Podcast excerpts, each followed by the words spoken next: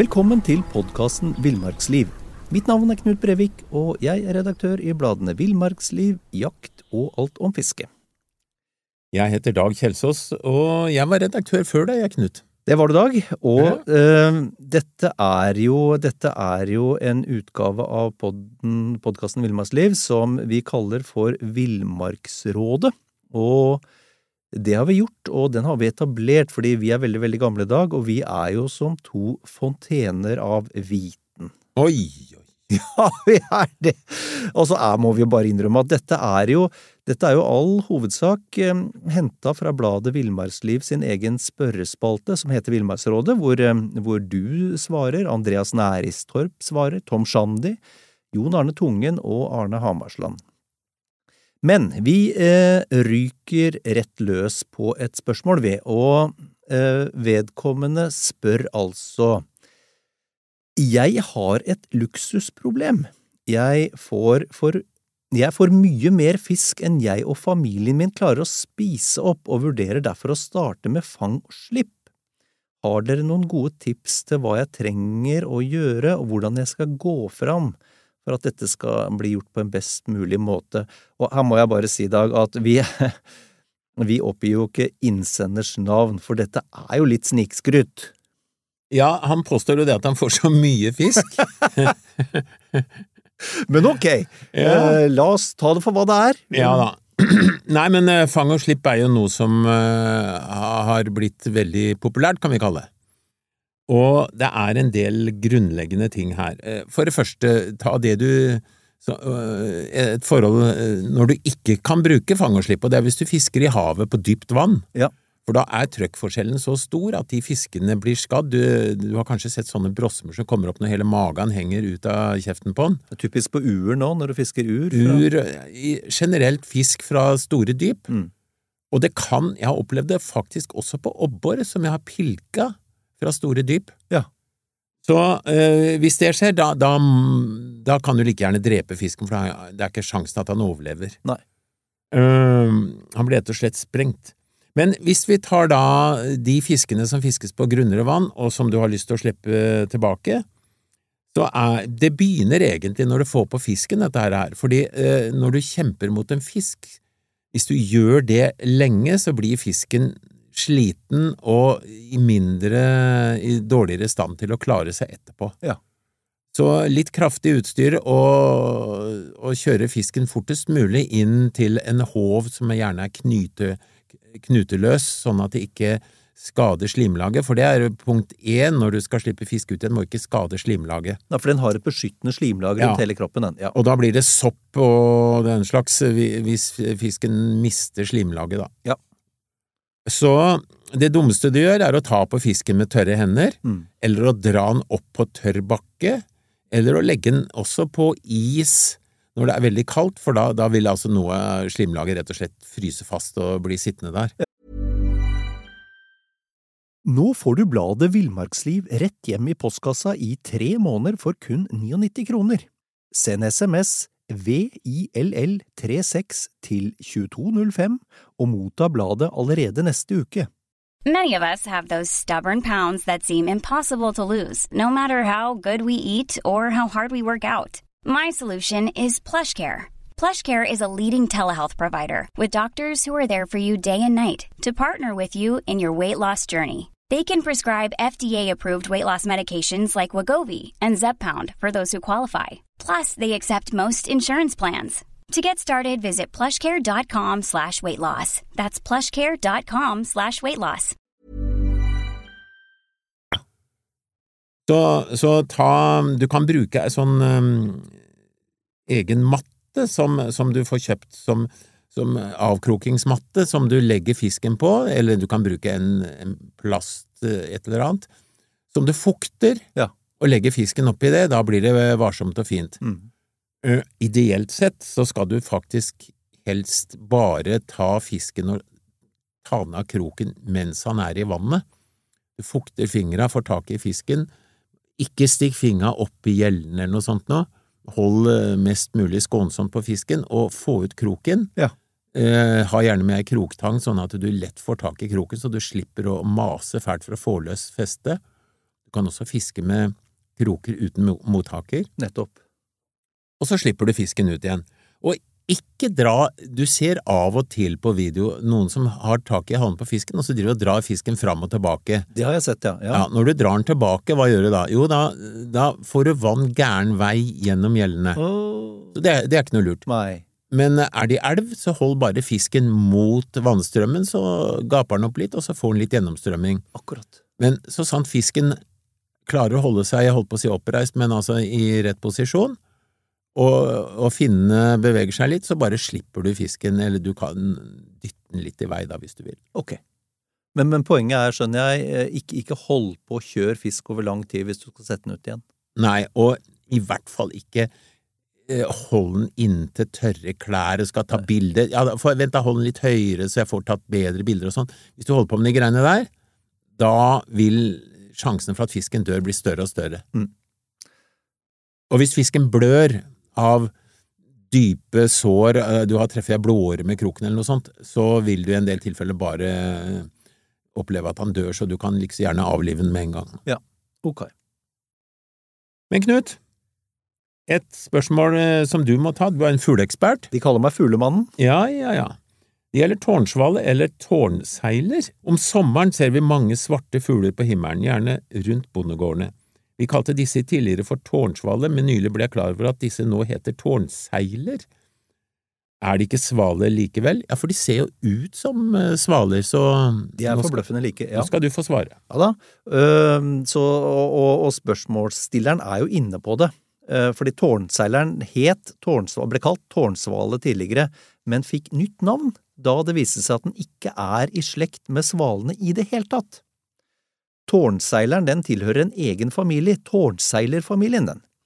Og den familien den hører hjemme i tårnseilerordenen. Det betyr at den ikke engang er i nær slekt med svalene som, som tilhører spurvefuglenes orden. Du verden hva Ja du kan. Tårnseilerne, det er, det er himmelrommets akrobater, der de, de skjener omkring og fanger bitte små insekter.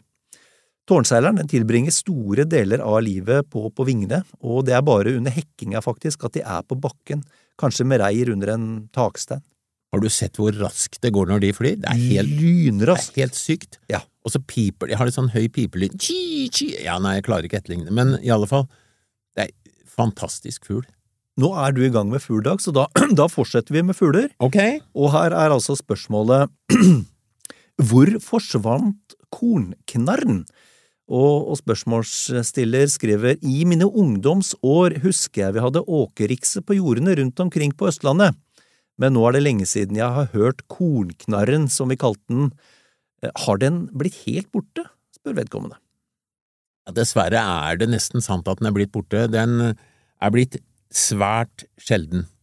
Eh, på 1990-tallet så var anslagsvis bestanden på 20–40 par. Oi.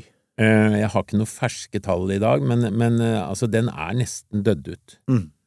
Eh, og åkerriksa, den hekker jo da i åpne kulturlandskap, eller områder da med høyt gras og undervegetasjon, og det her er jo noe som da kommer i konflikt med moderne mekanisert landbruk. Mm. Så du kan si moderne slåttemaskiner har eh, en god del av skylda for at det er blitt eh, så lite av den fuglen. Ok. Man øh, slo gresset tidligere enn før etter hvert, og gjerne midt da i hektia for den åkerriksa. Mm. Mm. Så mm, i dag finner vi flest åkerrikser i Rogaland og Akershus. Så mm, hvis du får se eller høre den, så er du heldig, rett og slett. Ja. Ja, eh, skal vi gå over til rådyr, Knut, som du er ekspert på også? De kaller meg rådyrmann. Ja, det også. det gjelder sky rådyr. Ja. Eh, her er spørsmålet vi har fått. En pensjonert nabo som bor ikke langt unna hytta mi, går hver dag tur etter stier i jaktterrenget mitt. Han er gammel militær med årvåkne sanser og ser rådyr på nesten hver tur. Jeg regner meg også som relativt god til å observere, men opplever langt sjeldnere å se dyr når jeg jakter. Når jeg kommer der på jakt, humrer han og sier dyra kjenner ham og at de derfor ikke er redde. Burde jeg kanskje låne jakka hans for ikke å skremme dyra? Ja, det er slett ikke umulig at det hadde vært lurt, fordi her er jo vedkommende inne på noe vesentlig. Antagelig så er det sånn at, at akkurat de rådyra, de kjenner han, og, og regner han for ufarlig, nærmest som en sånn daglig innslag i området. For dyr kan venne seg til mennesker de ofte er i, er i kontakt med, og iblant så ser vi at dyra kan bli veldig, veldig lite sky overfor akkurat disse, men, men, men veldig redd for andre mennesker. Altså naboen, den gamle militæren, han går antagelig på sin måte, har sin lukt, og, og kanskje han bruker akkurat de samme klærne på turen, mens, mens han som stiller spørsmålet er annerledes, helt uvant for dyra, og, og, derfor så er han det som vi kan kalle han et potensielt farlig møte da, for, de, for de samme dyra. Så de stikker seg vekk, det, når han kommer. Og så antar jeg at han han er, på, han er jo på jakt, han som har stilt det spørsmålet her, og jeg antar at han sniker seg mer sånn rovdyraktig fram, da, og stopper og speider mens han jakter. Um, mens, mens vår, uh, vår, vår, nå nylig bekjente gamle militære, han går sannsynligvis sin vante gange, han, hele tida. Kanskje plystrer han, nynner. Men, men, han har ei fast rute, og er, ting er forutsigbart ved han, både hvordan, hva han gjør og hvordan han ser ut. Um, så, og da, da, slapper dyra av, altså. Det kan ta litt tid, men, uh, men det her har vi jo det her har jeg opplevd sjøl da jeg var liten gutt og drev og skulle vende, vende ekorn til å komme og, og, og spise hånda mi. Det tar noen dager. Du kalles Ekornmannen? De kaller meg Ekorn. kaller meg Ekornmannen. Nei, men det var jo det samme, det. Altså, det. Jo, det tok noen dager, men møtte opp på samme, samme, plassen med samme maten i samme jakka på samme tidspunktene noen dager. Mm. Og, og, så får du dem inn. Altså, ja, ja. de slapper av. Ja. Nei da, men det det er, eh, Jeg har også samme observasjoner, så det stemmer helt, det. Ok, da går vi over til fisking, og her er følgende spørsmål. Fluefiske. Der jeg fisker, så ser jeg at fisken er oppe og spiser insekter på overflata, men den tar verken spinner, mark eller sluk. Må jeg ha fluefiskeutstyr for å fiske med flue? Har dere noen tips? spørsmålstegn, og da sender jeg den flua over til deg i dag. Ja, altså det problemet her, det kan du oppleve både med røye, ørret og sik og harr for den saks skyld, at Fisken vaker og er kanskje selektiv, som det heter, på spesielle typer insekter. Ja. Og da er det ikke lett å få den til å, å begynne å ta for eksempel en sluk. Men du må ikke ha fluestang eh, og tilhørende utstyr, fordi eh, med det eh, sannsynligvis da eh, vanlig haspelutstyr som han har, så kan du fiske med fluedupp. Mm, mm. Og det er jo da eh, en teknikk hvor du henger en fortom etter flueduppen, hvor du har flue i enden av den, eller du kan også henge fluer på lina foran duppen. Mm. Litt vanskeligere med tørrflue, men du kan faktisk også ha tørrflue bak duppen, men litt av problematikken der er det er veldig vanskelig å gi nøyaktig tilslag på samme måte som du gjør med fluestang, fordi du har jo veldig motstand i duppen, da. Nettopp. Men det, det går absolutt an. Eller så kan du også fiske med eh, et så, såkalt paternoster-takkel. Ja, men hva er det? Altså, det, har, det, er det mange som lurer på. Paternoster-takkel. Ja, det er veldig enkelt, det, for det er på en måte eh, et søkke i enden, og så er det en opphenger med, med flue, for eksempel, da, i det tilfellet her. Ja. Eh, da kan du ha Eh, lang avstand imellom søkket og denne fortommen, sånn at du fisker høyt i vannet, mm. eller du, det blir nesten som å bruke en synkende fluedøp, da. Ja. Så mm, det er én mulighet. Eh, noe annet som jeg har eh, god erfaring med, det er at du, hvis du, hvis du kommer nær nok, så kan du kaste med mormyrska på ultralettspinn med haspel. Mm. Da kan du kaste i vakenet, og da skremmer du ikke fisken som du gjør med fluedupp. Fordi eh, plasket er så lite av den lille mormyrskaen, som er bare liksom en stor dråpe. Ja, ja, ja. Eh, og så sveiver du den forholdsvis fort inn høyt i vannflaten, og da, da er fisken prega litt på små ting, og den er liten, så da kan du kanskje ha, få den til å ta. Mm. Mm. Yes. Skal vi holde oss på fisk, Knut, så kan vi ta et uh, spørsmål om laks. Ja. Og det gjelder rensing. Hører at det er delte meninger om hvorvidt laks skal renses eller bare legges hel rett i fryseren etter at den er fanget. Personlig skjærer jeg ut fileter og fryser for seinere røking. Hva er mest vanlig? En, en nyfanger laks som ikke skal slippes ut igjen. Vi har jo akkurat snakka om å slippe ut igjen fisk, men hvis du ikke skal slippe den ut, men du skal ta den, så skal den slås hardt i hodet med en stein eller en, en prest, som de kalte det. Det, altså, det er jo egentlig et lite sånn, en liten batong. Ja, det er, det er en liten stang med kule i enden. rett og slett et slagredskap som du slår i hjel fisk med. Og, og når du har gjort det, så bløgger du umiddelbart ved at du kutter gjellebuene, eller gjellene fjernes. Og deretter gjør du et kutt inn til ryggbeinet på begge sider, der, der halen begynner. Og Det høres litt, eh, litt pussig ut, men da får du ut overraskende mye blod når, når fisken henges med hodet ned. Ja. Og så lar du gjerne laksen henge et døgn eller noe sånt noe kjølig, og så fryser du den vanligvis hel med innmat og hode. Laksen spiser jo ikke eh, når han eh, er i elva, så det, det er ikke noe som kan eh, Bakterier eller, eller mye som kan gjøre at han blir dårligere av det. Nei. Og skal du røyke den, så blir kvaliteten best om den ikke fryses først, men leveres rett på røkeri, da. Ja. Vi fortsetter med fisking i dag, nå var vi godt i gang her, og et problem som kan oppstå, og det spørsmålet har tittel Vrien stangskjøt. Det går som følger.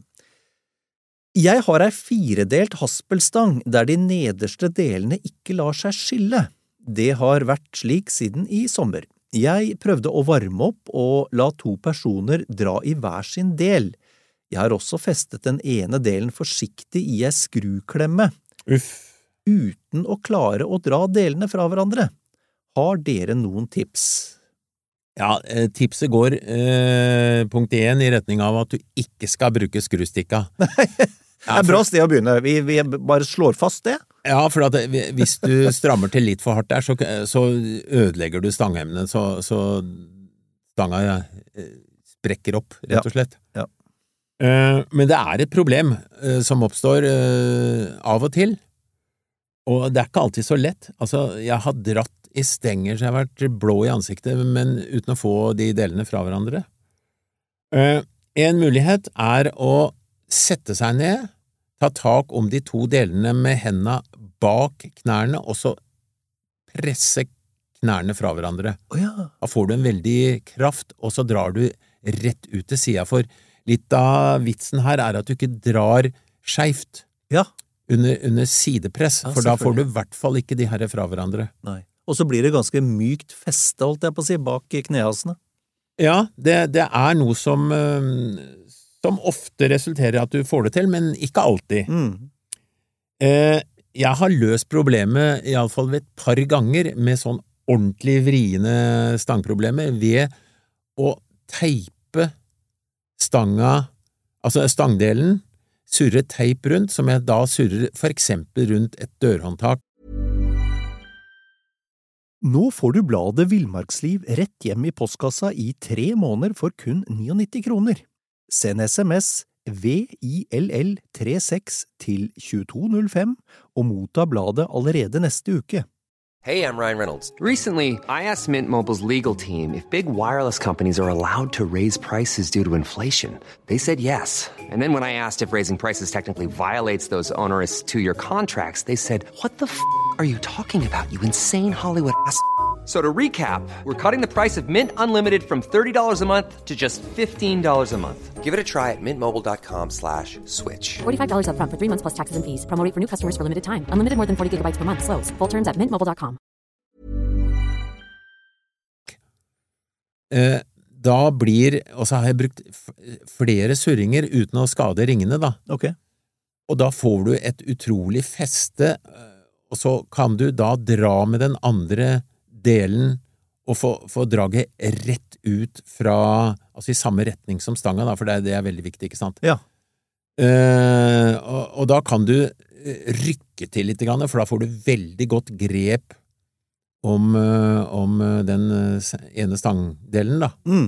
Mm. dere kan også være to som drar i hver sin del, men det blir ofte litt sånn skeiv, sånn vridende dra, draing som ikke, ikke alltid da resulterer i at du får det fra hverandre. Akkurat.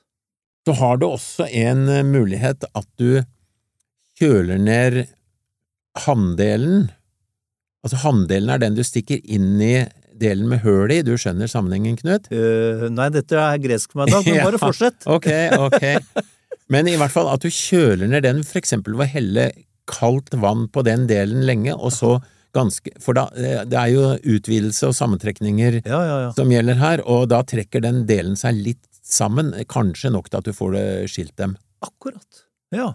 Um, utover det så har jeg ikke noe gode råd annet enn at du, du må mm, til slutt kjøpe ny stang når det knekker, for det knekker jo til slutt hvis du tar i for hardt. Ja, ja. Så men, men, men du kan også smøre stanga med lite grann Det er noen som sier at ørevoks er greit. Jeg vet ikke hva som er best, men iallfall at du smører disse holkene litt, så er det kanskje litt lettere å få dem fra hverandre. Mm. Ja. Men samtidig så skal de jo ikke dette fra hverandre når du kaster, så, så det er litt sånn virkning begge veier her. Ja, da går vi over til dyreriket igjen. Eh, Du kalles jo dyreeksperten også. Ja, De kaller meg Marihønemannen. Ja, ja for det, det er Åssen kunne du vite at vi skulle snakke om marihøner? Kan det komme av det at vi gikk gjennom spørsmåla litt på forhånd? Det kan være. Ja, for her står det da Da jeg var barn ble jeg fortalt at antall prikker på marihøna tilsvarte antall år den var i alder. Stemmer det? Nei, det gjør nok ikke det, og det, det snudde jo helt opp ned på min verden den dagen jeg fant ut det. Du Eh, gråt da? Ja, jeg gråt en skvett, for det, det er jo det vi fleste av oss tror da vi er små. Um, at det tilsvarer antall år, men det gjør det ikke, fordi de fleste marihøner de lever faktisk mindre enn et år som voksne, og, og de ser helt kliss like ut hele tida. Derimot så er det flere arter med ulikt antall prikker på ryggen. Den, um, den toprikkete marihøna har naturlig nok to prikker, men den 16-prikkete marihøna, den har 16 prikker. Den vanligste, det er kanskje den sjuprikkete marihøna. Som altså har sju prikker, da? Det er helt, vet du, du Da traff jeg! Ja! da skåra jeg. Ok, skal vi se. Da lurer jeg på om vi skal gå over til et, et litt sånt vinterlig spørsmål, jeg. Vi får jo inn eh, spørsmål om alt. Selv om det nå begynner å nærme seg sommer når vi sitter her i dag, så, så tar vi det. Og det har tittel Overnatte i Snøborg.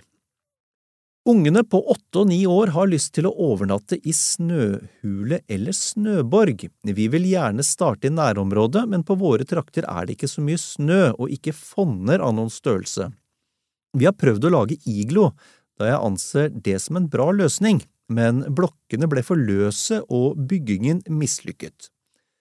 Kan det være en løsning å dusje på litt vann som fryser og stiver av det hele, spør vedkommende. Ja, det er, altså vann kan jo brukes øh, til å lage et slags ispanser, så det er en mulig løsning, men øh, jeg ville gått fram litt annerledes. Ok? Eh, for snøen bør jo være litt hardpakka når du lager blokker, og hvis den ikke er det fra naturen øh, ved at den ligger i fonner, så kan du faktisk ta og trampe sammen snø som er løs, og som da blir hard etter, ja, det begynner etter et par timer kanskje, eller kortere tid, men må gjerne la den ligge et døgn. Du kan fylle opp eh, snø i store plastkasser, for eksempel. Det fins også faktisk en, eh, et system hvor du, hvor du holdt på å si støper snø i firkanter med et, eh, et slags, eh, ja, kall det iglolageinstrument. Ja. Men, men eh, det går veldig fint hvis du, hvis du tar og måker opp snø i en haug, for eksempel, og lager blokker etter ei stønn, for da, da er snøen hardere. Hvis så fremt han ikke er av den sukkertypen som du kjenner til. Ja. Altså, sukkersnø får du ikke noe særlig ut av hvis han ikke er eh, Hvis det ikke er store, harde sukkerbiter opprinnelig, da. det sånn du finner under litt skare, er det ikke det? Sånn Jo, jo, skaresnøen er jo for så vidt eh, sukra. Mm. Så, så eh, ja, og, og det jeg nevnte med at du kan sprøyte, for eksempel når du har lagd ferdig en sånn snøhule, da må du huske på det at det må være utlufting, for det, det blir helt tett for luft hvis du har et ispanser. Så du, du kan sprøyte etter at en iglo eller en eh, snøhule er ferdig, men, men, da må du huske på at det, det må være skikkelig lufting. Ok. Eh, et alternativ til eh, iglo, det, det, det, blir for så vidt et resultat som minner om iglo, det er å, å måke snøen opp i en diger haug. Ja. Og la den størke, og så lager du, kall det snøhule, da, at du begynner med et høl nederst i, i ene kanten, og så graver du ut snø til du har en et oppholdsrom inni der, da. Men ja. da må du sørge for at haugen er ganske stor, for du må jo ha 30 cm vegger eh, på dette her, så du må legge til de 30 cm i forhold til den størrelsen du ser på den kula du har måkt i hop. Mm, mm. Så, og da, det, det, er greit å la det stivne kanskje et døgn før du da begynner på den jobben. Ja. Er det kjempelite snø, så, så kan du eventuelt lage en haug som er eh, kanskje litt mindre enn det du trenger, og så kan du legge den snøen du måker ut på kula etter hvert. Ok. Da må du bruke litt tid på hele prosjektet, men det går også an, da. Ja, ja. Ja, eh, da har vi et spørsmål til slutt, Knut. Du kalles jo Slangemannen. Nei da, det... de fleste kaller meg bare Knut. Å oh, ja. ja, da skal jeg prøve å huske på det. Eh, spørsmålet er følgende. Vi har flere slangearter i Norge, men hvilken er den lengste? Her er det ingen tvil. Den lengste slangen i Norge, det er buormen. Den lengste som er rapportert av buormer, den målte faktisk 135 cm. Men, men det er langt vanligere med, med, eksemplarer som er, eller individer som er rundt én meter.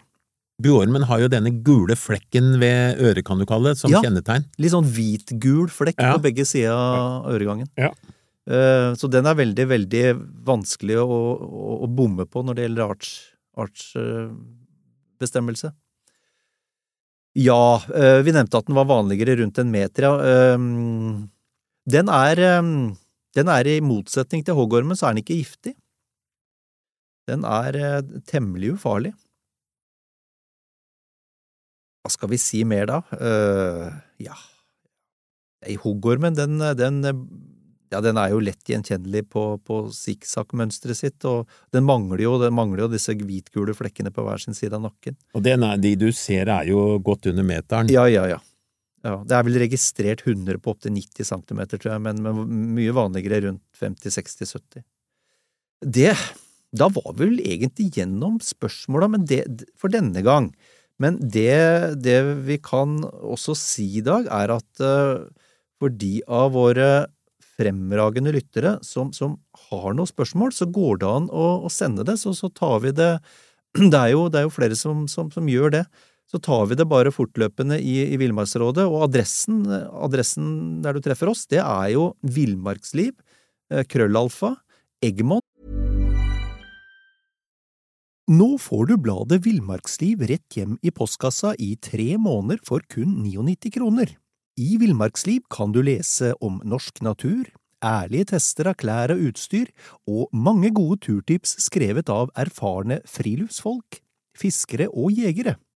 Send SMS VILL36 til 2205 og motta bladet allerede neste uke. Lev livet villere med bladet Villmarksliv. Planning for your next trip?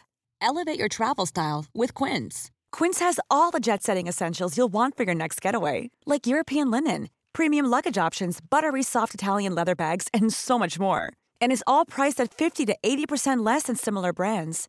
Plus, Quince only works with factories that use safe and ethical manufacturing practices.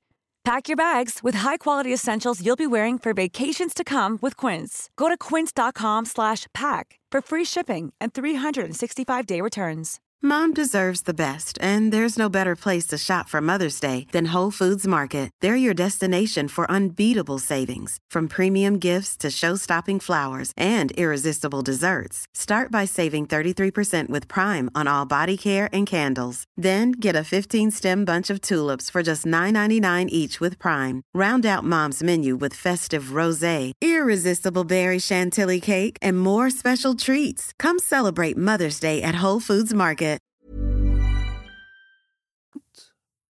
Punktum com, altså villmarksliv at egmont.com. Og da tror jeg egentlig vi bare ønsker folk eh, en riktig god uke. Det gjør vi, Knut.